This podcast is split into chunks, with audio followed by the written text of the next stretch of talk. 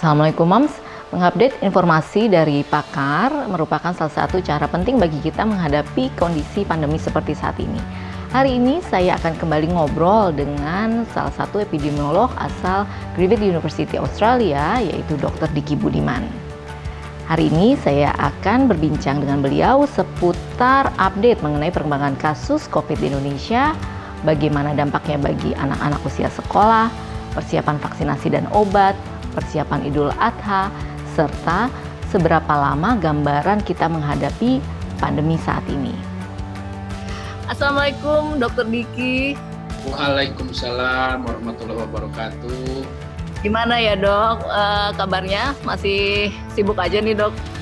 Alhamdulillah sibuk ada riset dan juga teruslah kita berkontribusi untuk pengendalian COVID di Indonesia.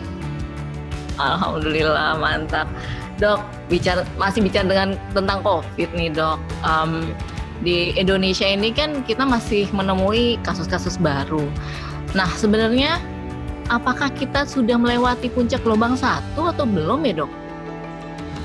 Kita belum ya, belum melewati atau sampai pada puncak gelombang satu belum sebagaimana kita ketahui saat ini yang menjadi epicentrum di Indonesia adalah Pulau Jawa.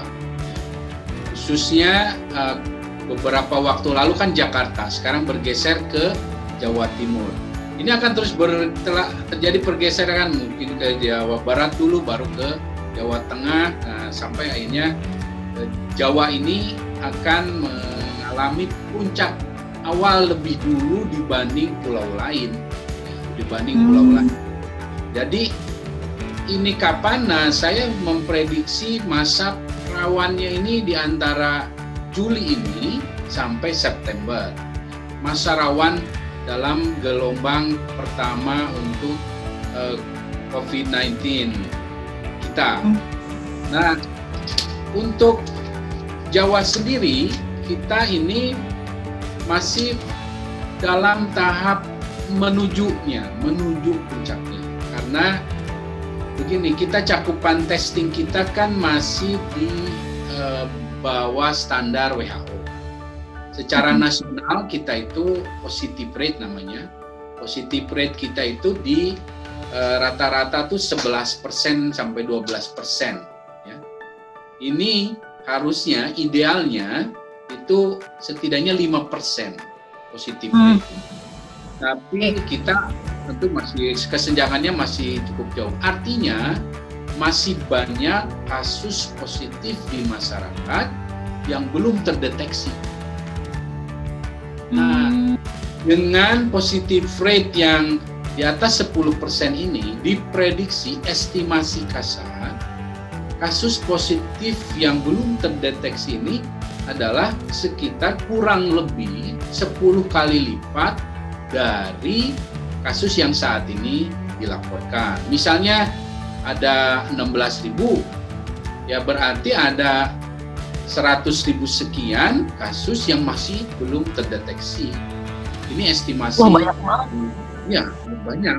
Nah, artinya bagi bahwa orang yang umumnya 80% tidak bergejala ini akan terus berpotensi menularkan COVID-19 pada eh, orang-orang sekitarnya yang kontak dengan dia. Ini sebab sel, indik, salah satu indikator yang bisa meyakinkan apakah kita sudah bisa mel, uh, sudah melewati puncak atau tidak. Betulnya juga salah satunya dilihat dari positif rate kita. Kita ini sudah sudah banyak men, mendeteksi belum kasus-kasus ini.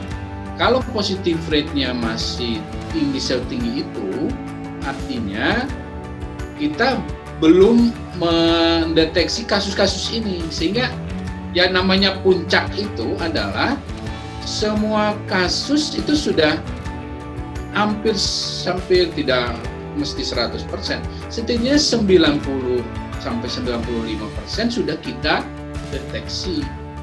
Karena artinya ketika kita sudah mendeteksi dengan testing itu, dan kita testing dan tracing ya pelacakan kasus, itu artinya kita sudah melakukan upaya mengisolasi mereka baik di rumah secara mandiri atau secara pusat sehingga kita sudah dalam setidaknya keyakinan kita sudah meredam memutus rantai penularan sehingga kita bisa dengan uh, confidence yakin kita sudah di puncak. Tapi kalau kasus ini belum terdeteksi yang banyak itu ya kita tidak bisa secara confidence menyatakan kita sudah di puncak. Karena akan terus dan ini kalau itu tidak dilakukan yang tadi testing secara masif sehingga kita bisa mendeteksi hampir 90-an persen itu kalau itu tidak dilakukan, nah, puncaknya akan terus sampai bisa banyak sekali kasusnya. Ini yang harus dihindari. Itu sebabnya dalam kaitan masalah puncak-puncak ini ada uh, tetap intinya respon kita ada di strategi testing, tracing dan isolasi ini.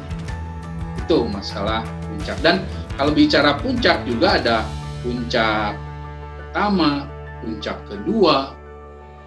Ya, hmm. Jadi bukan masalah gelombang pertama kedua saja. Sekarang sudah ada contoh bahwa katakanlah di, di Amerika ada puncak kedua, beberapa negara banyak puncak ketiga. Nah ini yang harus kita jadikan pelajaran. Jangan sampai kita uh, mengalami apa yang terjadi di Amerika, di Brasil dan bukan itu bukan sesuatu yang tidak mungkin terjadi. Bisa, sangat bisa. Sangat tidak ada satupun negara di dunia ini bisa yang bisa mengklaim oh kita aman, tidak ada. Bahkan negara kepulauan yang kecil misalnya seperti Selandia Baru pun tetap diperingatkan bahwa mereka belum tetap belum bisa aman sampai dunia ini selesai dalam mengatasi Hmm, baik dok, berarti saat ini kan kita semua sedang menghadapi PSBB transisi dok.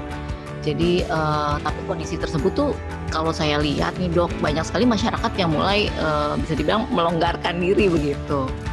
Uh, ini cukup mengkhawatirkan sih dari uh, pemaparan dokter tadi.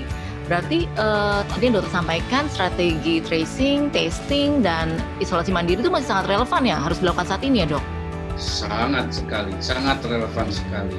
Dan masalah uh, sikap publik dan juga uh, pejabat publik juga ya institusi pemerintah dalam kaitan dengan pandemi ini relatif di beberapa negara uh, sama ya di berbagai juga sejarah pandemi. Terutama itu setelah biasanya uh, bukan gelombang setelah kejadian-kejadian timbulnya angka kasus eh, terjadi kemudian dilakukan lockdown ataupun istilah kita adalah PSBB biasanya setelah itu dalam sejarah pandemi masyarakat itu akan timbul rasa aman semu rasa aman hmm. semu kemudian ditambah juga uh, karena uh, merasa bosan ya merasa uh, karena selama ini kan kan siapa namanya uh, sifat dasar manusia kan tentu ingin kebebasan. Nah, karena selama ini mungkin ada yang sebulan, ada yang beberapa mungkin bisa lebih dari sebulan ternyata dibatasi pergerakannya. Nah, mereka ini ketika terjadi pelonggaran, diputuskan ini uh, tidak dilanjutkan PSBB-nya, ini timbul yang disebut dengan uh, um, kebebasan atau rasa aman semu. Ini yang menjadi trigger pencetus uh, terjadinya lonjakan-lonjakan kasus. Dan ini terjadi hampir di seluruh bagian di dunia ini, tidak terkecuali di Indonesia. Apalagi jika selama PSBB itu pihak-pihak yang berkepentingan terutama pemerintah daerah ini lupa bahwa selama PSBB ini terutama PSBB ini adalah strategi yang sifatnya itu tambahan. Jadi strategi utama itu adalah yang tadi tes, lacak kasus, isolasi itu adalah strategi utama pandemi. Sedangkan yang namanya lockdown PSBB ini sifatnya adalah sunnah atau tambahan. Sehingga namanya tambahan, dia sifatnya untuk mendukung yang utama. Ada lagi strategi lain, namanya bukan strategi tambahan, tapi strategi pencegahan. Strategi pencegahan ini adalah merubah perilaku ya mengedukasi masyarakat supaya selama uh, masa uh, pandemi ini merubah perilakunya menjadi lebih bersikap mencegah. Itu yang disebut dengan new normal itu. Jadi new normal itu yang dikeluarkan oleh WHO April. Jadi yang new normal ini istilah yang dikeluarkan WHO bukan bukan Indonesia atau negara mana. Ini istilah yang dikeluarkan WHO dalam rilis resminya pada April 14 April 2020 beberapa waktu lalu yang antara lain menganjurkan supaya mulai diedukasi masyarakat bahwa masyarakat sudah harus paham dalam masa pandemi ini namanya pakai masker, cuci tangan, jaga jarak ini adalah bagian yang harus jadi bagian kehidupan sehari-hari. Nah, selama PSBB maupun setelah PSBB edukasi ini, sosialisasi ini harus terus. Karena ingat juga bahwa 50% kurang lebih uh, penduduk Indonesia itu pendidikannya kan SMP. Artinya untuk memberi pemahaman masalah pola baru yang bersifat mencegah ini ya tentu butuh waktu. Uh, dan juga perlu strategi yang mungkin masalah bahasa masalah bagaimana uh, strateginya disesuaikan dengan uh, local wisdom lah ya di, dengan apa namanya uh, mungkin budaya setempat. Kan mungkin katakanlah di daerah NTB misalnya NTT sorry NTT misalnya kan sulit air. Gimana kita memberikan uh, satu edukasi kebiasaan cuci tangan air aja nggak ada. Kan ini sesuatu yang artinya program ini akan sangat lokalistik. Ya, harus uh, dalam konteks lokal. Pesan utamanya tentu sama tapi katakanlah di Bandung ya daerah-daerah tertentu ya mungkin ada orang atau di Jawa Barat ada orang yang memang di desa kita nggak bisa bahasa Indonesia. Bu, mungkin tidak paham apa itu. Oh virus. Kan ini sesuatu yang harus dikemas dalam strategi komunikasi risiko yang tepat dan efektif. Ini yang masih jadi PR besar di Indonesia yang masalah strategi komunikasi ini. Dan ini tentu tidak bisa dibiarkan karena sekali lagi pandemi ini masih akan berlangsung relatif lama. Ini yang yang harus terus di eh, apa digedengkan upaya uh, perilaku yang uh, uh, perilaku normal new normal baru yang sebetulnya bukan abnormal ya, tapi hmm. new normal adalah yang good normal bukan bukan juga new normal adalah uh, business as usual bukan. Tapi adalah sesuatu yang new normal adalah sesuatu perilaku yang lebih sehat lebih aman ya. Lebih juga kita uh, apa namanya peduli pada lingkungan ya, pada diri kita maupun pada orang lain. Kenapa saya menyebut lingkungan? Karena new normal ini jangan hanya dikaitkan dengan pandemi COVID-19. New normal ini adalah satu keharusan sekarang. Saya adalah peneliti di bidang global health security dan pandemi. Nah, sejujur dalam masa ini pun sebetulnya WHO dan kita para ahli di center berbagai center ini tiap hari itu ada laporan potensi pandemi baru Hmm. Sebulan itu bisa bisa ratusan potensi pandemi di dunia ini. Saat ini pun sedang di beberapa waktu lalu eh, saya juga sudah menyampaikan di media di TV masalah adanya swine flu yang di China kan. Yeah. Walaupun walaupun uh, itu belum uh, artinya bel belum dalam tahap yang bisa uh, membuat kita khawatir, tetapi itu harus terus dipantau. Nah, belum lama ini ada lagi di Kazakhstan ya, masalah uh, pneumonia yang tapi WHO masih menganggap bahwa ini masih terkait dengan COVID-19. Tapi yang namanya surveillance, monitoring, itu harus terus. Karena kita harus meyakinkan ini apa nih, virus apa. Nah semua ini, potensi pandemi ini tidak lepas dari perilaku manusia. Apakah itu perilaku mungkin makan, perilaku dia merusak lingkungan, hutan, yang mengakibatkan hewan liar itu menjadi uh, makin dekat dengan kehidupan manusia, manusia yang artinya yang tadinya virusnya itu banyak hanya ada di hewan ini ada potensi lompatan virus ke manusia yang disebut dengan zoonosis itu. Nah, COVID-19 ini adalah contoh nyata bagaimana akibat kita menembus barier itu, batasan batasan alamiah ini kita tembus sehingga si virus yang ber, mungkin berjuta tahun, beribu tahun ada di hewan, sekarang pindah ke manusia. Ya tentu saja manusia ini kan belum punya kekebalan. Akhirnya ya jadilah pandemi. Seperti Iya. Baik dok, jadi strategi komunikasi yang juga uh, tepat begitu harus dilakukan oleh pemerintah dan juga mungkin dibantu oleh elemen-elemen penting masyarakat seperti pemuka agama, pemuka masyarakat dan mungkin di antara kita sendiri juga mungkin bisa memberikan satu advokasi yang strategis begitu ya dok di antara uh, masyarakat itu sendiri. Nah dok, tadi dokter bicara tentang WHO saya menanyakan nih dok, uh, eh, WHO baru-baru ini merilis uh, perihal tentang COVID itu dapat menular secara airborne melalui transmisi udara. Nah, itu bagaimana tuh dok?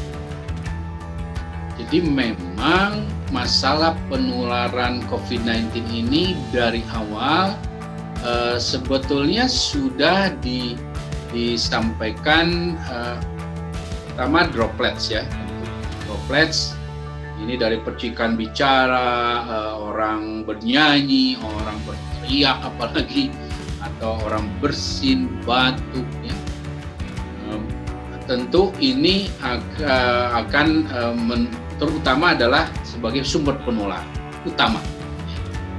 Kemudian kedua adalah melalui vomit namanya vomit transmission. Itu misalnya saya pegang apa bantal ini nah, saya bersin ke sini atau saya beringut pegang ke sini. Nah ini orang yang menyentuh bantal ini orang lain yang duduk di sini atau memegang ini, di saya dari sini pegang sini.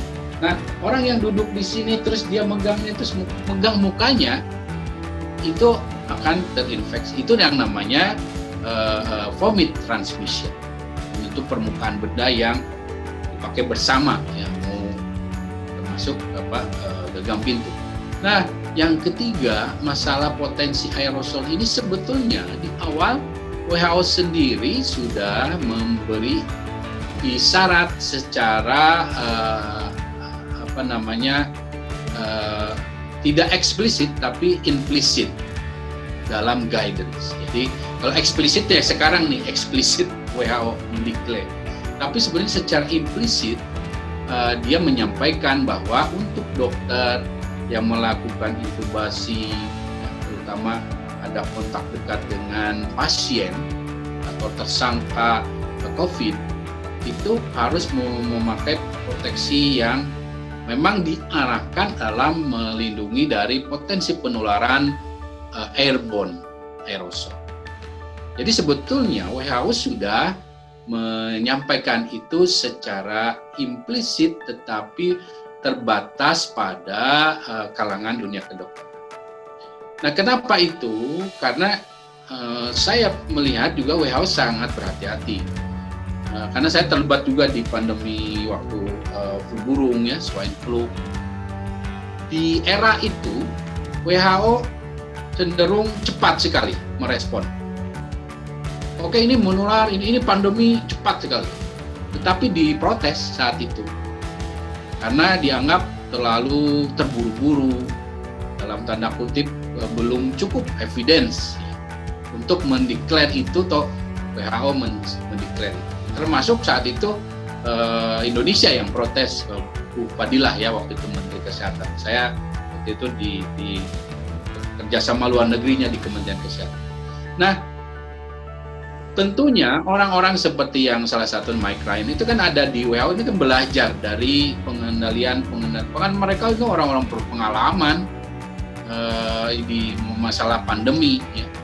Uh, jadi kita tahu lah bahwa kalau orang tahu background ini bahwa sekarang WHO tentu sangat berhati-hati mendeklar satu uh, potensi penularan Nah saat ini dengan mendeklar bahwa ini adalah airborne, apakah ini ternyata wah ini sekarang berbahaya sekali ya?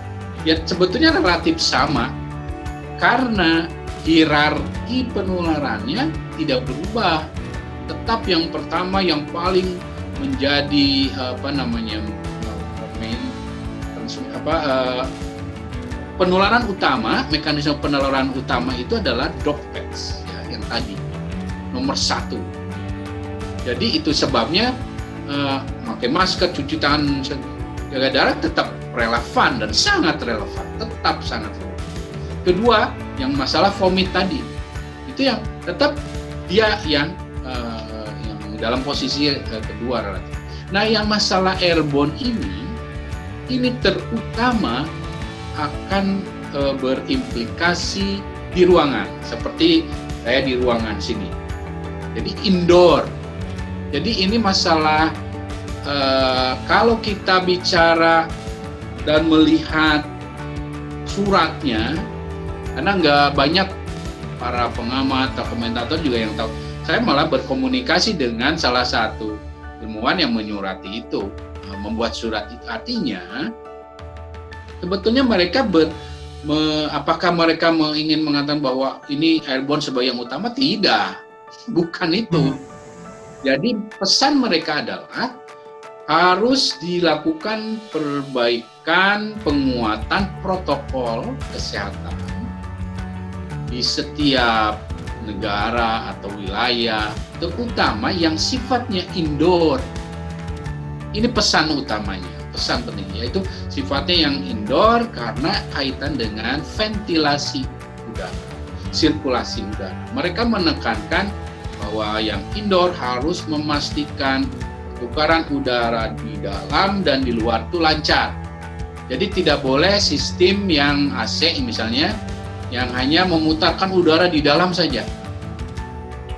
Ini berbahaya. Ini yang akhirnya bisa menjadi klaster seperti yang terjadi misalnya di apa di Wuhan di salah satu restoran atau di, di uh, ada juga di kasus di Amerika dan bukan tidak mungkin di Indonesia juga kalau sudah ada risetnya. Tapi fakta menunjukkan bahwa eh, kasus-kasus kejadian yang penularan katakanlah eh, yang terakhir di Amerika yang pesawat ya di satu pesawat kan pesawat segede-gedenya pesawat kan tertutup ya nggak ada pesawat segede apa sih pesawat kan tetap tertutup. Namun Eh, kasus infeksi yang di pesawat tidak ada misalnya orang itu positif di pesawat ya artinya orang naik orang positif covid naik pesawat terus satu pesawat semua positif itu tidak itu menunjukkan bahwa memang ini COVID-19 ini bukan uh, yang ditularkan utamanya melalui airborne.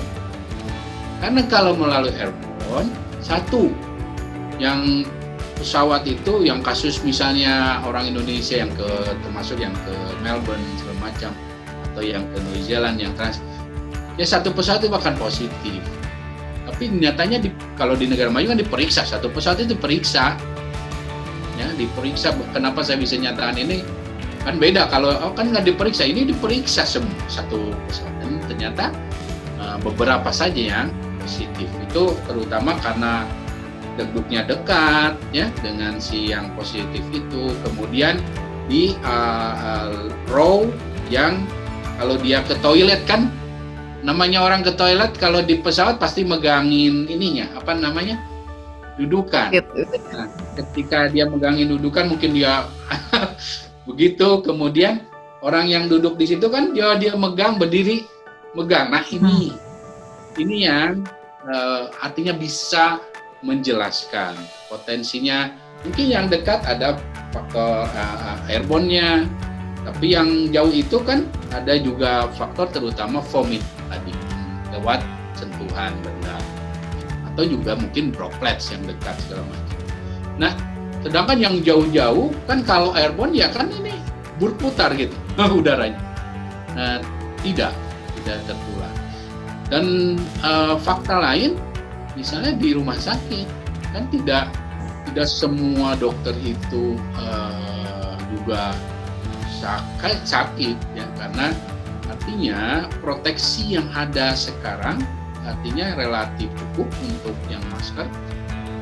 Namun yang terjadi penularan yang sakit-sakit ini kemungkinan bisa dari PD-nya yang memang belum sesuai standar atau juga mungkin mekanisme melalui vomit atau juga hal lain ini yang harus diteliti. Tapi secara faktual eh, tetap seperti kasus pesawat itu tidak semua.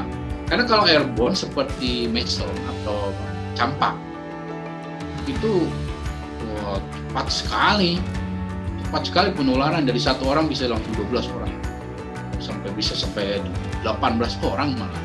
Nah, misalnya saya duduk di sini satu menit aja, saya cuma berdeham sini, jangankan satu menit lah, beberapa detik saya berdeham, terus saya tinggalkan, terus ada orang ke sini setelah saya pergi, dia langsung tertular. Itu yang airborne itu seperti itu. Jadi cepat itu ya dok. Ya cepat itu. Jadi kalau untuk COVID-19 sekali lagi karena juga dia mekanisme penularan utamanya tidak melalui airborne dalam bentuk droplets, kedua juga uh, reproduksi number dia yang uh, tidak setinggi uh, airborne disease lain yang tadi saya sebut Jadi uh, reproduksi number ini juga berpengaruh. Reproduksi numbernya COVID kan katakanlah paling tinggi ya 4, 5 misalnya. Nah, ini yang juga uh, menjadi namanya uh, timbangan atau rujukan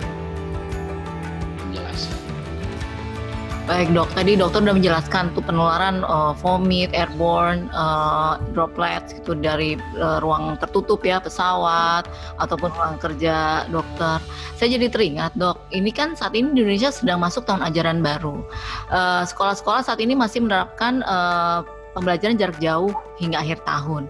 Tapi ada dok sekolah yang dengan keyakinannya gitu membuka sekolah melakukan tatap muka dengan siswa uh, bahkan uh, konon kabarnya mereka tidak melakukan uh, protokol kesehatan yang seperti yang dianjurkan seperti itu. Bagaimana sih dampak bahayanya COVID-19 terhadap anak-anak usia uh, sekolah dasar uh, hingga menengah, dok? Ya, ini sesuatu yang sangat berbahaya ya ketika satu wilayah, negara, daerah, kota masih dalam kondisi seperti saat ini, ya, di mana kasus masih banyak meningkat dan kita juga menuju puncak, ya, masa rawan, masih dalam masa rawan. Kemudian berani melakukan satu uh, putusan yang melibatkan kelompok rentan. Kelompok rentan ini ya lansia, termasuk orang berpenyakit dan termasuk ibu hamil dan termasuk anak Nah, anak sekolah ini tidak hanya masalah anak TK, SD, SMP, tapi juga sampai usia uh, kuliah. Ya. Jadi definisi anak kita kan masih uh, anak mungkin semester satu itu masih bisa ke dokter anak sebetulnya. Nah, jadi definisi anak ini kan uh, cukup apa masih masih dibatasi uh, walaupun berbeda-beda ya umur 12 atau 18. Namun pada anak ini satu lagi yang harus dipahami bersama ini adalah penyakit baru. COVID-19 ini penyakit baru, artinya masih sangat banyak yang belum kita ketahui tentang penyakit ini dan e, dampaknya baik jangka pendek maupun jangka panjang pada anak khususnya. Ini saat ini memang sudah diketahui ada dengan penyakit Kawasaki, ada yang disebut dengan uh, apa namanya uh, pada uh, COVID thumbs ya pada kaki ya di jari-jari kaki. Ini bukan masalah oke okay, ini kelainan kulit warnanya jadi tapi ini ada sesuatu reaksi imunitas yang yang terjadi dalam tubuh yang namanya penyakit yang melibatkan katakanlah autoimun, imunitas ini bukan sesuatu yang ringan. Penyakit kita tahu banyak sekali penyakit autoimun atau yang melibatkan imunitas ini. Sulit sembuh. Ya, sulit sembuh sampai uh, lupus misalnya ya. Atau uh, apa, apa namanya? BSG uh, sindrom Guillain-Barré ya misalnya. Ini sekarang muncul juga. Jadi ada banyak hal yang belum kita ketahui. Yang jelas potensi kematian pada anak ada. Ini yang harus diketahui poten kan kalau namanya potensi kematian ada itu sudah harusnya menjadi satu indikator yang sangat valid untuk kita bagi sebagai orang tua apalagi sebagai uh, ini pemerintah dalam bidang apa pengurus uh, pejabat publik dan bidang pendidikan di pemerintahan untuk melihat bagaimana bahwa COVID-19 ini berdampak serius pada anak. Bahwa di satu lokasi misalnya menganggap saya di zonasi hijau ini kan sudah oke okay, zonasi hijau bisa membuka sekolah hal yang harus diketahui masalah zonasi ini di Indonesia atau di berbagai daerah adalah kriteria zonasi ini belum cukup ideal dalam kita melakukan klaim atas keamanan satu daerah. Salah satu dasarnya apa? Yaitu tadi yang saya sebut positive rate dari daerah-daerah yang berzonasi hijau ini pun masih rendah. Jadi kan sudah saya sampaikan di awal tadi nih, tes ini penting sekali untuk kita mengetahui permasalahan satu wilayah, kemudian juga mengendalikan orang-orang yang membawa virus. Nah, bagaimana kita bisa meyakin yakin ya, dalam hal keamanan satu daerah ketika tesnya sendiri jauh dari proporsi yang ideal. Kan proporsi idealnya satu persen kurang lebih dari total populasi di wilayah itu. Kalau penduduknya satu juta ya minimal berarti sepuluh ribu yang diperiksa. Kalau kota Bandung itu jutaan ya ya tinggal hitung, tapi itu adalah minimal satu persen karena harus dilihat dari positif rate-nya. Kalau positif rate-nya masih di atas 5%, ya berarti uh, tesnya harus terus ditingkatkan sampai positif rate-nya itu di bawah atau sama dengan 5%. Nah, ini yang terjadi di Amerika. Amerika ini tesnya udah proporsi tesnya udah lebih dari satu persen dari total populasi penduduk Amerika. Udah jutaan dia tesnya. Tapi karena positif rate-nya yang masih tinggi, artinya dia harus terus mencari melacak orang yang membawa virus di masyarakat supaya bisa selesai si si si pengendalian di wilayahnya situ. Kalau tidak, kan orang yang satu ini jadi uh, super spreader namanya.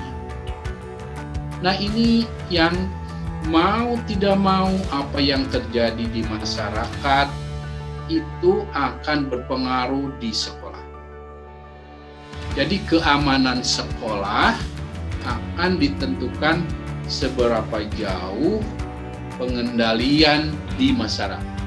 Bila di masyarakat kita sudah bisa confidence, yakin, sudah terkendali, kita tesnya sudah sesuai target WHO, satu orang per eh, satu tes per seribu orang per minggu, dan juga positif rate-nya sudah di 5%, eh, rasio tesnya juga mendekati satu persen. Oke lah kalau begitu. Kemudian tidak ada kematian, ya. angka angka kasusnya juga banyaknya impor dari tetangga daerah, dari misalnya Cimahi atau dari misalnya Cianjur, misalnya seperti itu. Nah, di situ kita bisa mulai, oke okay, kita mulai longgarkan sekolah, bisa mungkin sekolahnya seminggu tiga hari diselang-seling. Itu pun uh, waktunya dibatasi tidak lebih dari dua jam misalnya. Kemudian di kelasnya juga dibatasi uh, dari tadinya satu kelas dibagi jadi dua kelas. Jadi jumlah anak siswa jadi tidak padat.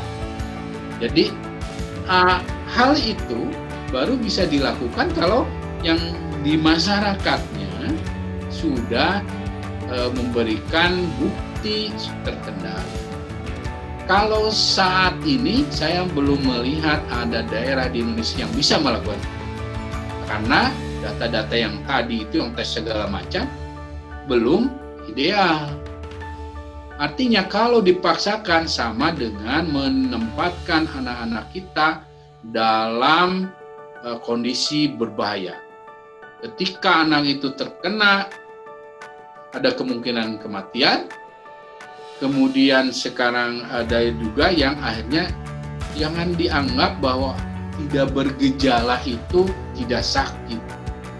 67% dari yang tidak bergejala itu setelah diperiksa di rongsen ada kerusakan di paru. Nah, yang namanya kerusakan di parunya, kemudian juga ada dampak jangka panjang yang belum kita ketahui, ini akan berkaitan dengan kualitas hidup dan status kesehatan si anak atau si remaja itu. Ini bisa 5-10 tahun. Ingat di, di pandemi 1918, 1920, pasca pandemi atau setelah pas pandemi itu, temukan ada kasus namanya encephalitis letargika. Encephalitis letargika ini kasusnya jutaan di dunia pada pasca atau selesainya pandemi. Ini orang jadi jadi mau gampang gampang lelah, gampang ngantuk, kondisi ini tidak berubah. E, malah yang saat ini yang COVID ini ada beberapa kasus yang mengarah seperti uh, ini artinya sangat berbahaya. Jangankan buat anak-anak, buat orang dewasa juga berbahaya. Uh, makanya saya menyarankan tidak hanya masalah anak sekolah yang harus ditunda sampai akhir tahun, dari mulai TK sampai universitas, termasuk pondok pesantren ya, termasuk tidak ada kecuali, termasuk boarding school segala macam. Walaupun mereka merasa oh kita bisa menerapkan protokol ini bukan masalah menerapkan protokol saja selama masyarakat di luar sekolah itu, luar pondok pesantren, luar boarding school itu masih belum terkendali, maka sekolah itu sendiri sangat berisiko, sangat uh, rentan. Ini yang harus difahami. Jangankan sekolah, perkantoran saja, gedung perkantoran saja, itu juga sama rentan. Sehingga mm-hmm. harus tidak cukup masalah protokol kesehatan di sini, tapi juga dibatasi orang yang berisiko. Kalau anak jelas semuanya karena berisiko ya sudah jelas di rumah. Nah kalau yang bekerja berarti yang berisiko yang komorbid, yang hmm. misalnya usianya usianya mungkin uh, ya mau 50 sekian tahun ke atas atau yang memang uh, obesitas dan segala macam. Nah ini harus nggak boleh tidak boleh main ambil risiko ah ini udah mulai ini ah, masuk semuanya. Nah, ini namanya membunuh orang ini sangat berbahaya. Ini yang harus difahami. Nah kita lihat sekarang makin banyak klaster FRI kan ada kemudian di perkantoran perkantoran pabrik segala macam. Ini hanya menjadi bagian pembuktian bahwa ini masalah serius yang harus disikapi oleh semuanya. Tidak ada yang bisa mengklaim aman. Nah, dok, kenyataannya nih dok, uh, tadi kan di depan kita sempat ngobrol ya, berarti komunikasi yang tepat sasaran, strategis, customize begitu ya harus terus digaungkan dan selalu uh, dievaluasi setiap saat. Kenyataannya dok, kita ditemui, kita temui nih sehari-hari kita masih menemukan masyarakat yang boro-boro abai mereka tuh percaya juga enggak gitu loh dok sama adanya COVID-19 ini. Ini kita harus bersikap bagaimana dok? Ya, memang ini fenomena yang terjadi di setiap pandemi. Ini ini uh, eh, PR saya terutama sebagai peneliti pandemi ini bagaimana mencari. Saya dalam riset ini juga karena 100 tahun lalu pun sama masyarakatnya nggak percaya, malah lebih percaya teori konspirasi dan segala macam. Nah ini selalu terjadi. Terakhir pun di pandemi flu burung, malah ketika saya juga menangani program HIV/AIDS ya, pandemi HIV/AIDS sama. Jadi ini sesuatu yang memang uh, kaitan dengan uh, psikologis masa dan segala macam tentu bukan berarti tidak ada solusi, tapi dalam waktu dekat ini yang bisa kita lakukan adalah uh, beri pemerintah satu membangun kepercayaan. Ini yang penting tapi juga tidak mudah. Membangun trust ini, kepercayaan ini adalah juga dengan lebih transparan dalam menyampaikan informasi di setiap level di setiap level bahwa setiap tokoh politik apalagi yang daerahnya mau kepala daerahnya mau jadi bupati lagi wali kota lagi dia berusaha untuk menjaga uh, image daerahnya. Ya itu wajar tetapi sebetulnya ketika dia menunjukkan keterbukaan ini contoh saja contoh bagaimana saya ingin memberikan tips dari sini lewat sini untuk para akan karena pilkada katanya akan terus ada kan dalam masa pandemi. Nah, mereka-mereka yang mau maju ini kan wah, sangat takut nih masalah wah daerahnya kasusnya terlihat meningkat yang akan berkorel apa berrelasi dengan kemampuan dia memimpin misalnya segala macam. Tapi satu hal yang ingin saya sampaikan di sini bahwa ketika seorang leader atau pemimpin publik itu, pejabat publik itu uh, setia dengan strategi utama pandemi, testing, tracing, isolasi, dan melakukan edukasi. Kemudian juga dia melakukan uh, strategi komunikasi yang baik dengan juga tata kelola, transparansi uh, pada publik. Ini malah bisa menyelamatkan karir politiknya yang tadinya redup. Ini yang terjadi di Taiwan. Presiden Taiwan itu tadinya akan kalah. Tapi karena cewek ini, eh, Presiden Taiwan, dia bisa menunjukkan keberhasilan dia dengan respon cepatnya, tidak tidak bersikap menyangkal dari awal. Ya semua selalu berdasarkan keputusan eh, kebijakannya berdasarkan sains sehingga akhirnya saat ini Taiwan adalah mungkin satu di atas sedikit negara yang menikmati kebebasan dalam situasi pandemi. Tentu dia tetap mengetatkan border apa perbatasan border. Tapi dia sudah ada acara kemarin uh, semacam footballnya, baseballnya dia di stadium besar orang tidak pakai masker malah. Karena intinya adalah ketika strategi untuk mendeteksi orang keberadaan orang yang membawa virus itu sukses bisa cepat deteksi dia diisolasi ya kan orang sebetulnya nggak perlu pakai masker. Kan intinya itu. Nah, tetapi kalau itu hanya bisa terjadi dan dilakukan kalau kita meresponnya dari awal.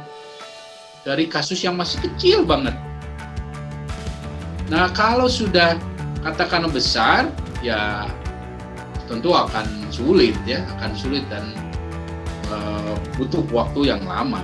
Nah, ini harusnya menjadi contoh nyata bagaimana uh, dalam situasi ini ketika pejabat publik masyarakat ini memberi contoh pada masyarakat karena masyarakat ini kan uh, melihat figur melihat bagaimana uh, apa namanya pejabat publiknya bereaksi.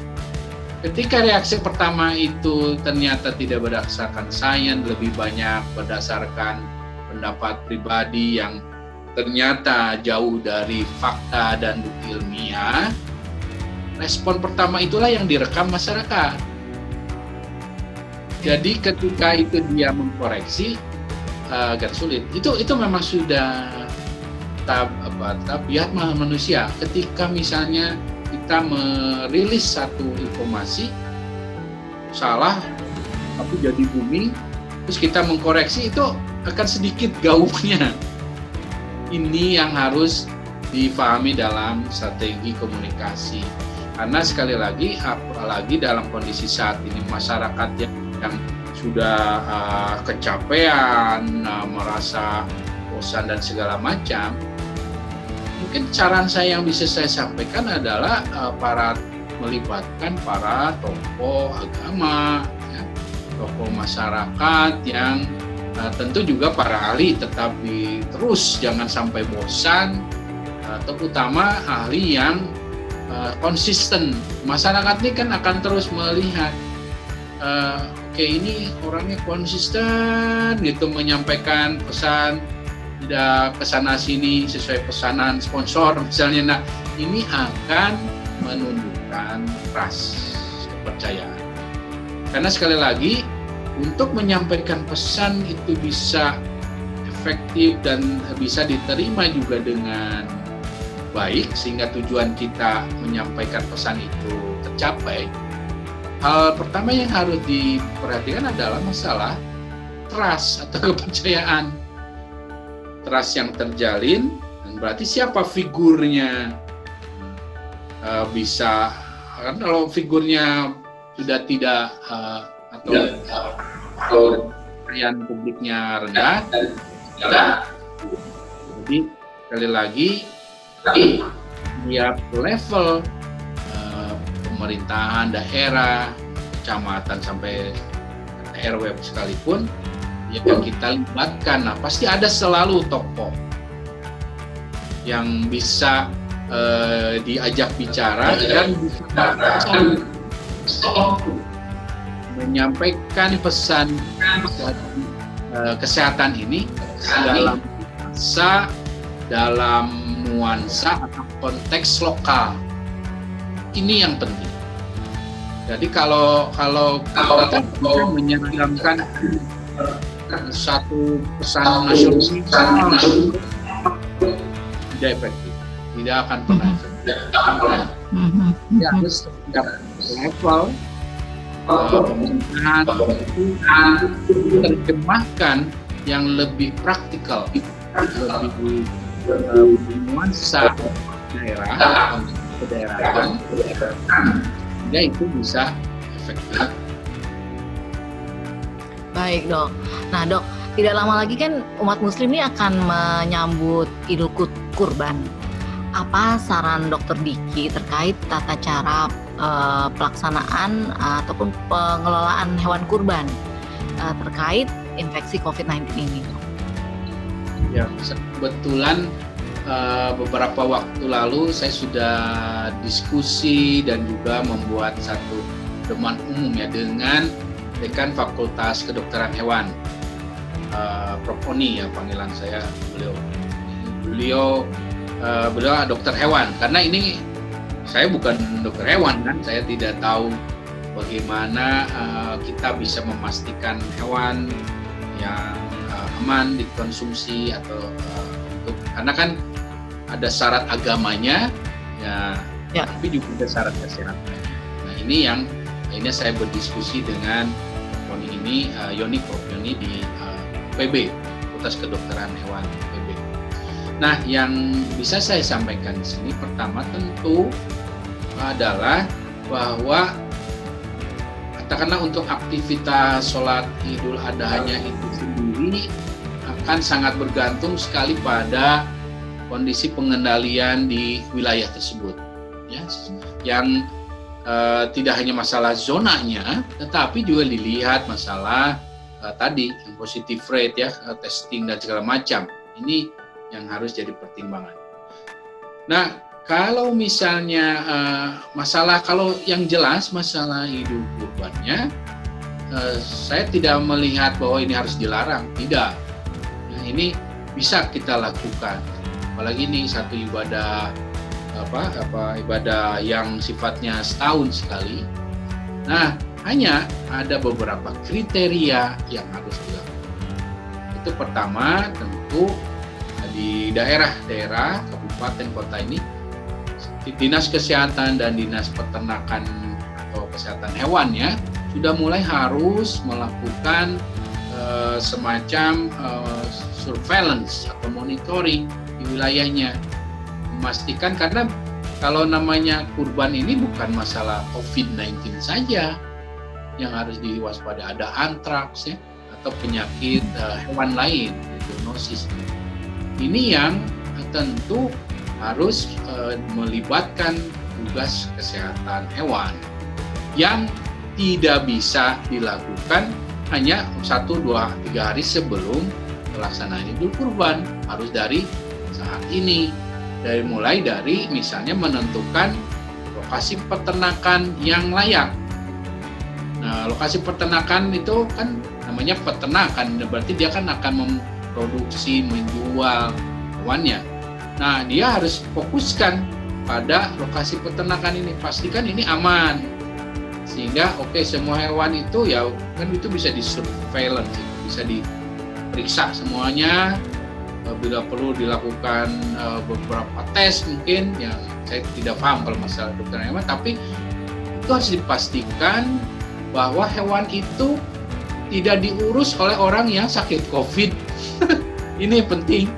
Jadi orang yang ada di peternakannya itu uh, oleh dokter uh, tenaga dinas kesehatannya diperiksa dulu kalau sebelum ke hewan kalau ternyata orang yang ngurus peternakannya positif, otomatis hewannya tidak bisa dipakai untuk kurban.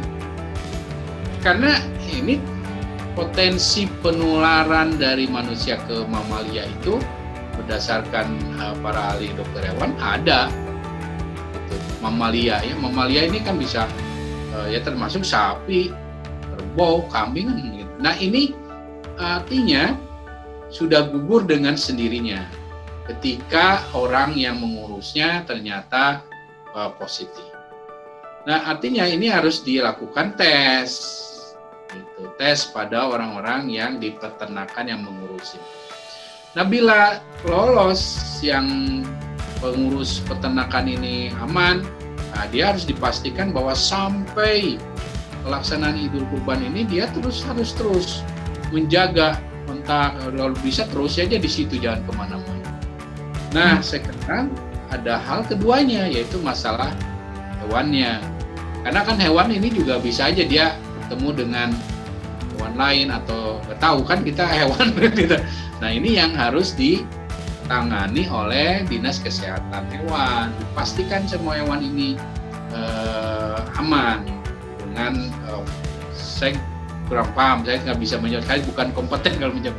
Tapi intinya ada peran dari dinas kesehatan yang memastikan ada hewan e, karena sudah sudah jelas tidak ada kontak dengan manusia baru dia bisa tapi kalau e, hewannya itu ternyata ada kontak kita kan nggak bisa nanya ke hewan ya kan kamu tapi kalau sudah ada ada ketahuan bahwa orang di sekitar peternakan itu positif itu besar kemungkinan dia eh, masuk dalam kategori uh, terpapar. Sehingga uh, dia tidak bisa masuk dalam kriteria hewan kurban layak kurban gitu secara kesehatan. Mungkin secara agamanya layak guna usia segala macam eh, kesehatan eh, tapi kesehatan tidak masuk ya ini yang tidak boleh. Bahwa eh, bagaimana dengan yang kan banyak di Indonesia yang pinggir jalan jual hmm, betul. jalan dulu saya kira dari saat ini sekali lagi sudah harus mulai ditertibkan saja. Karena uh, sekali lagi kita tidak boleh mengambil risiko. Tidak boleh menganggap uh, ini aman dan segala macam. Karena asumsi pada kondisi satu pandemi sering asumsi yang sifatnya mengurangi kewaspadaan cenderung berbahaya. Lebih baik overprotective sama seperti kita pada anak-anak nggak boleh sekolah sampai tahun lebih baik overprotective daripada less protective. Itu pesan saya. Karena kita tidak tahu. Kalau uh, mungkin uh, bisa dilihat di beberapa, terutama di Facebook saya bisa lihat, itu ada banyak kasus mana ternyata dampak jangka panjang dari COVID-19 ini sangat serius.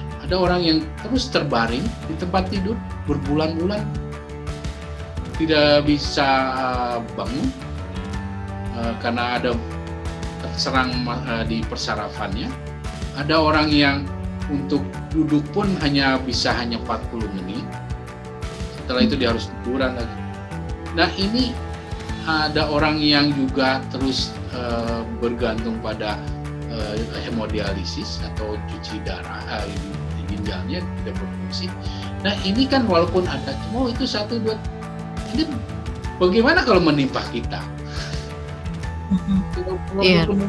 kan jadi jangan mengambil uh, satu risiko uh, dan kaitannya dengan wadah ini ya tentukan saja lokasi peternakan yang aman uh, kemudian informasikan pada masyarakat jadi karena dalam situasi pandemi ini maka dinas kesehatan hewan pemerintah daerah menyampaikan ini adalah daftar peternakan yang aman untuk uh, Anda membeli hewan kurban karena sudah dilakukan pemeriksaan oleh pemerintah. Nah, ini harus. Tapi kalau yang di luar itu uh, tidak boleh lagi, dia harus dilarang. Jadi kalau bagaimana ini saya kadang kan ada mungkin satu dua keluarga yang memang memelihara hewan untuk dijual ya dia harus ber apa namanya uh, katakanlah mendaftarkan misalnya ke dinas kesehatan setempat diperiksa baik dianya maupun sama artinya dia dan juga uh, hewannya. Jadi seperti itu dan sekali lagi juga pada tidak terlepas pada ritual ritual dari penyembelihan ini yang tentu ada uh, protokolnya yang berbeda dibanding di luar uh, suasana pandemi. Pertama, tidak boleh ada keramaian, tetap. Kemudian yang bukan berarti dia harus sendirian motongnya kan tetap mungkin satu atau lima orang yang sudah juga paham memakai masker, memakai sarung tangan, kalau bisa pakai face lah lagi untuk uh, pelindung wajah ini Kemudian juga eh, memastikan bahwa si hewan ini kan kalau kalau di hewan itu ada yang saat hidup dan saat matinya diperiksa gitu di postmortem. Hmm. Jadi jadi ini yang uh, sekarang ini harus di ditaati lah. Kalau dulu mungkin agak longgar. Nah, dok, itu tadi taat terhadap aturan bagaimana uh, pengelolaan uh, hewan kurban. Bagaimana dengan makanan sehari-hari dok? Apakah uh, ada risiko tertentu terkait COVID-19 ini? Kan kita juga tahu banyak sekali uh, sekarang orang tidak keluar rumah, kemudian membeli makanan dari luar begitu, seperti itu. Apakah aman begitu dok? Secara umum yang harus difahami dan diketahui bahwa COVID-19 itu bukan foodborne disease, bukan penyakit yang menular melalui makanan. Ini yang harus diketahui.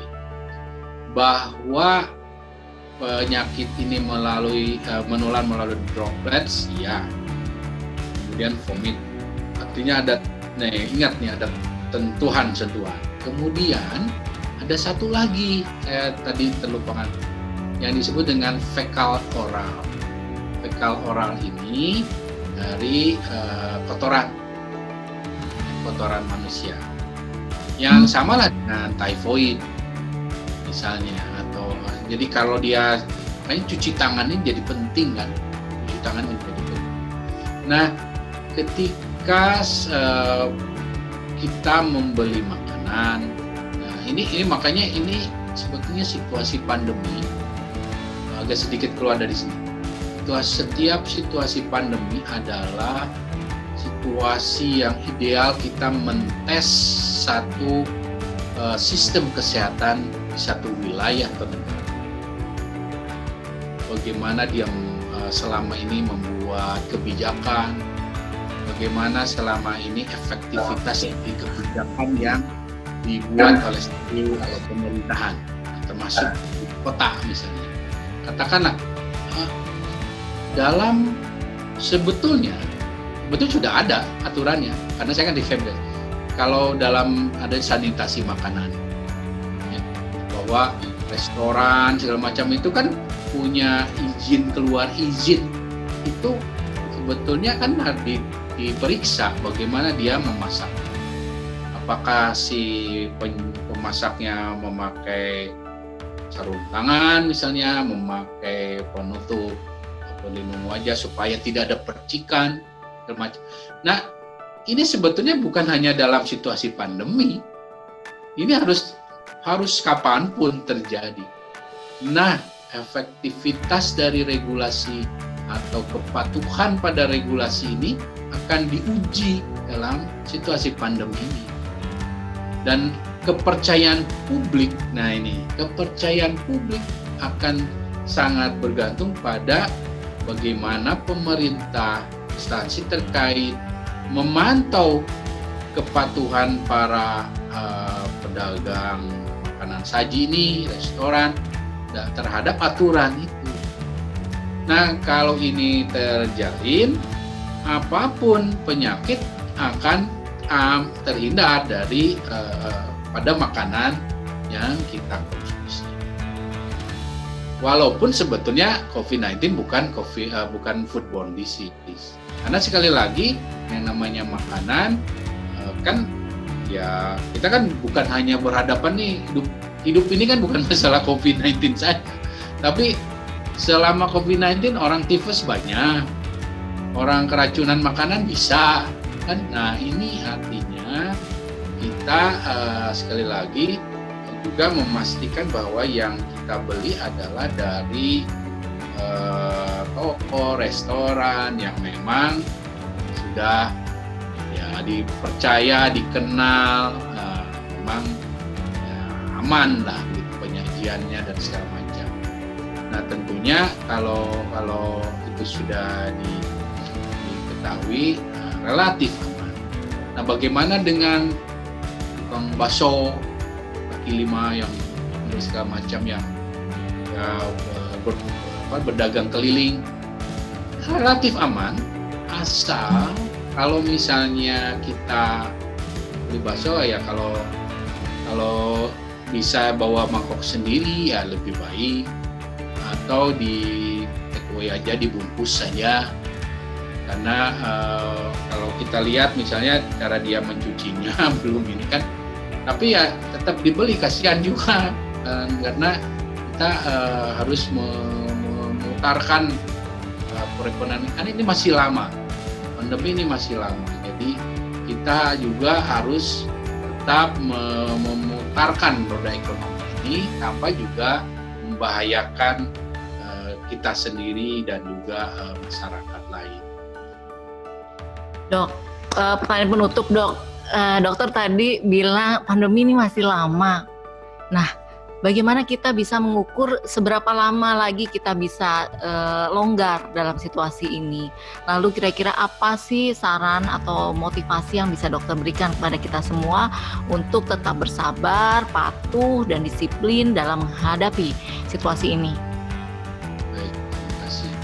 Uh, kita harus tahu bahwa pandemi ini pertama bukan yang terakhir pandemi ini ini adalah pandemi yang kebetulan saja kita alami mungkin dalam perjalanan saya puluhan tahun hidup ini ya barulah saya di, mengalami ada namanya karantina dan segala macam atau lockdown dan PSBB. Nah, tapi 100 tahun lalu terjadi. Walaupun mungkin uh, di 2009 ada pandemi yang syukurnya alhamdulillahnya berhasil ditangani karena sifat dari karakter virusnya sendiri yang memang lebih parah sehingga mudah orang uh, dideteksi. Jadi beda dengan COVID-19 orangnya nggak bergejala ke sana sini susah gitu dideteksi sehingga faktor testing menjadi sangat penting. Nah dalam situasi COVID-19 ini ini sebabnya yang membuat kita harus realistis, kita harus uh, terbuka menerima fakta bahwa satu ini virus baru yang sekitar 95% penduduk dunia Artinya bahwa 95% termasuk yang ada di Indonesia ini memiliki potensi untuk terinfeksi. Ya, potensi atau risiko untuk terinfeksi karena belum punya kekebalan.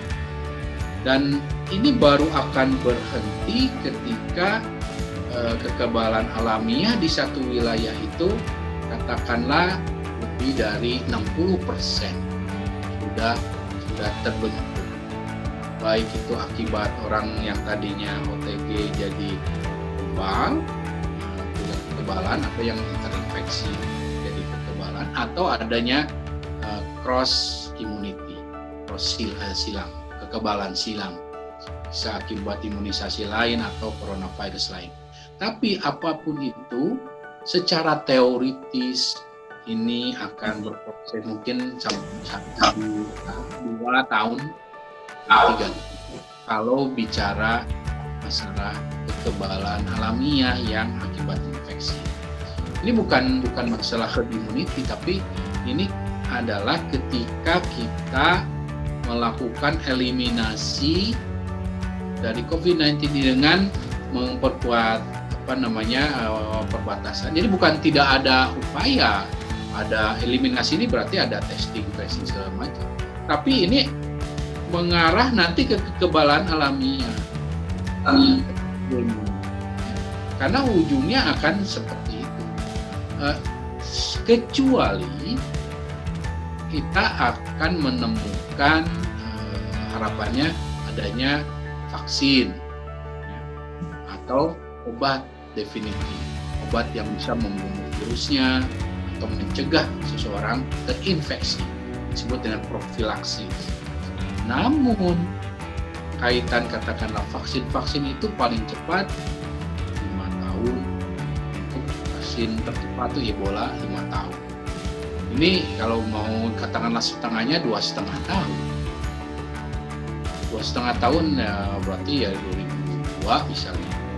Dan itu pun kan vaksin ketemu sekarang bukan berarti langsung nyampe ke kita hari ini enggak secara fakta, sejarah termasuk waktu saya di apa namanya di beberapa kejadian uh, epidemi atau pandemi lain, ya ini bisa butuh waktu bisa lebih dari 2-3 bulan untuk terdistribusi.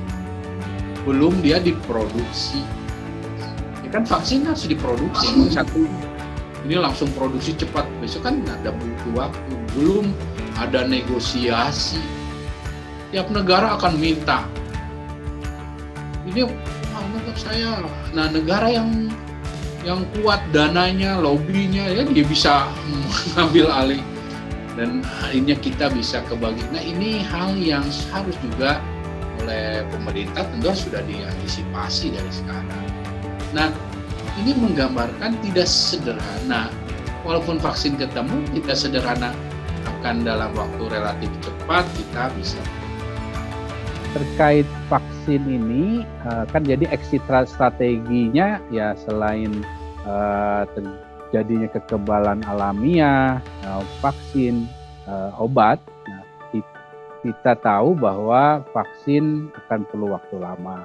Obat pun sama, obat pun ya saat ini kandidat obat untuk COVID-19 memang dengan fast track-nya itu adalah berdasar uh, obat yang sudah ada, yang sudah memang uh, secara terbukti, uh, terbukti klinik aman ya, untuk manusia. Jadi katakanlah ada obat malaria kan, ada obat untuk antivirus untuk Ebola ya, yang dan uh, uh, kemudian juga ada oh, antivirus lainnya. Nah, obat-obat inilah yang harapannya karena sudah terbukti aman lebih cepat kita akan mendapatkan formulasi atau kombin obat kombinasi yang efektif dalam menangani uh, pasien atau kasus COVID-19 ini. Namun ini pun ternyata tidak semulus seperti yang kita harapkan. Karena satu persatu berguguran juga, ya, seperti termasuk uh, apa namanya obat-obat yang tadinya diandalkan, ya. Nah, ini membuktikan pada kita bahwa kita sekali lagi harus realistis bahwa uh, dalam menghadapi pandemi ini dan tidak hanya pandemi ini sebetulnya dalam setiap pandemi inti yang selalu harus kita uh, jadikan dasar adalah program yang memang betul kita bisa lakukan itu dengan merubah memakai masker ya mencuci tangan jaga jarak dan lain sebagainya yang sifatnya perubahan perilaku pada individu.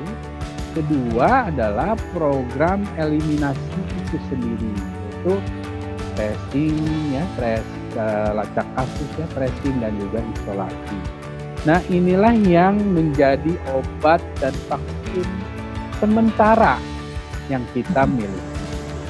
Karena kalau itu tidak dilakukan akan banyak sekali uh, kasus orang uh, harus dirawat di rumah sakit atau uh, meningkat uh, atau kejadian uh, meningkatnya kematian. Ini yang harus kita hindari. Nah, itu bisa dilakukan kalau kita melakukan program-program tadi. Karena kita tidak bisa menunggu ter, uh, apa, ter, ter, temukannya vaksin dan obat ini sambil kita mengabaikan pencegahan. Karena jangan berasumsi atau boleh optimis ya boleh, tapi harus yang realistis. Setidaknya sampai akhir tahun kita akan harus sangat waspada sampai akhir tahun ini. Uh, di, di bukan berarti awal tahun depan tidak uh, tidak harus waspada, tapi uh, setidaknya kita akan bisa lebih mulai me, apa namanya beradaptasi dengan situasi uh, baru dalam situasi pandemi. Semoga masyarakat, pemerintah, institusi ini mulai mulai uh, memahami apa dan juga membiasakan dalam perilaku baru ini. Jadi pergi itu katakanlah kalau pergi sekarang uh, tas, kemudian kunci kendaraan, ya, atau botol minum. Sekarang masker itu udah jadi bagian yang nggak boleh pisahkan. Jadikan itu satu apa namanya kebiasaan baru karena uh, masker ini sangat efektif dalam meredam meredam uh, terjadinya penularan selain masalah segala macam. Karena ini sekali lagi semua ini adalah obat pertama kita. Dan jangan lupa bahwa selama pandemi ini kita ya, jangan hanya berpikir bahwa ini hidup ini hanya uh, ada masalah pandemi COVID-19, tapi penyakit lain masih ada uh, dalam hal ini misalnya penyakit yang sifatnya uh, apakah kanker, jantung dan sebagainya. Artinya pola hidup sehat ini bukan sesuatu yang eh, apa namanya hanya dikaitkan dengan pandemi saja. Tapi ini adalah hal kewajiban kita keharusan kita yang tidak hanya selama pandemi maupun setelah pandemi.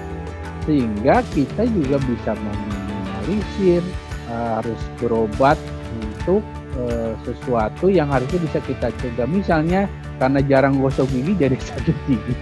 Kan ini uh, sama dengan kita membuat posisi yang lebih rawan. Jadi diminimalisir uh, perilaku-perilaku yang bisa menyebabkan kita akhirnya harus berobat atau uh, datang ke rumah sakit. Dan tips saya uh, yakinlah bahwa setiap pandemi setiap wabah itu akan berakhir. Pada akhirnya akan berakhir. Akan berakhir. Ini masalah waktu dan juga artinya masalah kesabaran kita dalam menghadapi situasi seperti ini. Harus sabar kita karena ketika kita habis sabarnya, kita merasa bebas, harus bebas, yang terjadi adalah musibah karena terjadi lonjakan kasus.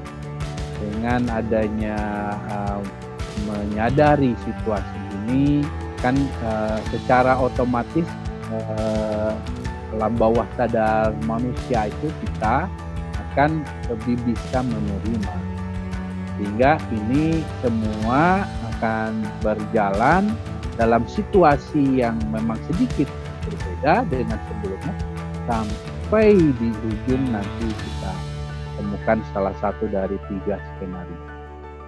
Dan amin, terakhir, terakhir uh, masyarakat setiap kita harus berperan aktif. Mau yang dikerja di pemerintahan, mau yang di masyarakat, sampai di pedesaan, semua harus berperan aktif dalam situasi pandemi tidak bisa satu orang itu keluar dari barisan. Karena ketika dia keluar ingat super spreader itu saat ini dari riset yang tinggi.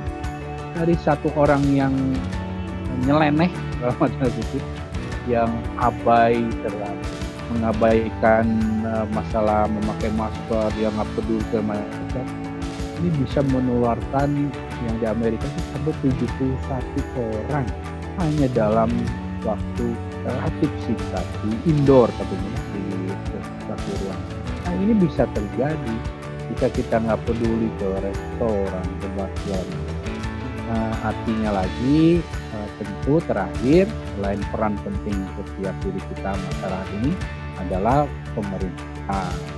Pemerintah ini adalah jenderalnya dalam menghadapi setiap pandemi supaya tiap leveling pemerintah selalu mendasarkan pada sains dalam eh, kebijakan-kebijakan. Mendengar tidak hanya satu ahli atau pakar tapi beragam pakar supaya kenapa harus beragam pakar? Supaya lebih komprehensif. Dan kenapa harus pakar? Supaya mempercepat waktu. Kan kalau kayak misalnya saya sebagai peneliti pandemi global. Kan saya tiap hari saya tuh mengkaji uh, banyak riset penelitian uh, berdiskusi sehingga akan mempercepat informasi. Daripada kalau melakukan sendiri ya bisa berbulan-bulan ya tinggal minta aja hasilnya pada orang pakar yang sudah tahu ini. Jadi ini uh, pola-pola seperti ini yang Baik dok, terima kasih banyak dokter Diki penjelasannya luar biasa, sangat jelas. Semoga ini bisa memberikan uh, satu uh, kekuatan baru bagi kita untuk membuka mata, uh, meningkatkan kekuatan mental, kesabaran, dan juga selalu kewaspadaan akan kesehatan dalam menghadapi pandemi yang uh, bisa dibilang uh, tidak sebentar ini ya dok ya. Iya. Baik, Dokter Diki, terima kasih banyak atas waktunya, Dok. Uh, insya Allah kita bertemu lagi ngobrol-ngobrol. Mudah-mudahan kondisinya bisa lebih baik ya, Dok ya. Baik, terima kasih Dokter Diki. Selamat beraktivitas kembali. Assalamualaikum, Dok. Membuka wawasan dapat membantu kita untuk dapat lebih bersikap realistis dalam menghadapi permasalahan, termasuk dalam menghadapi pandemi seperti saat ini tetaplah patuh dan disiplin pada protokol kesehatan yang telah ditetapkan. Semoga video ini membawa manfaat bagi Anda. Tetaplah like, share, dan subscribe. Sampai jumpa di video selanjutnya.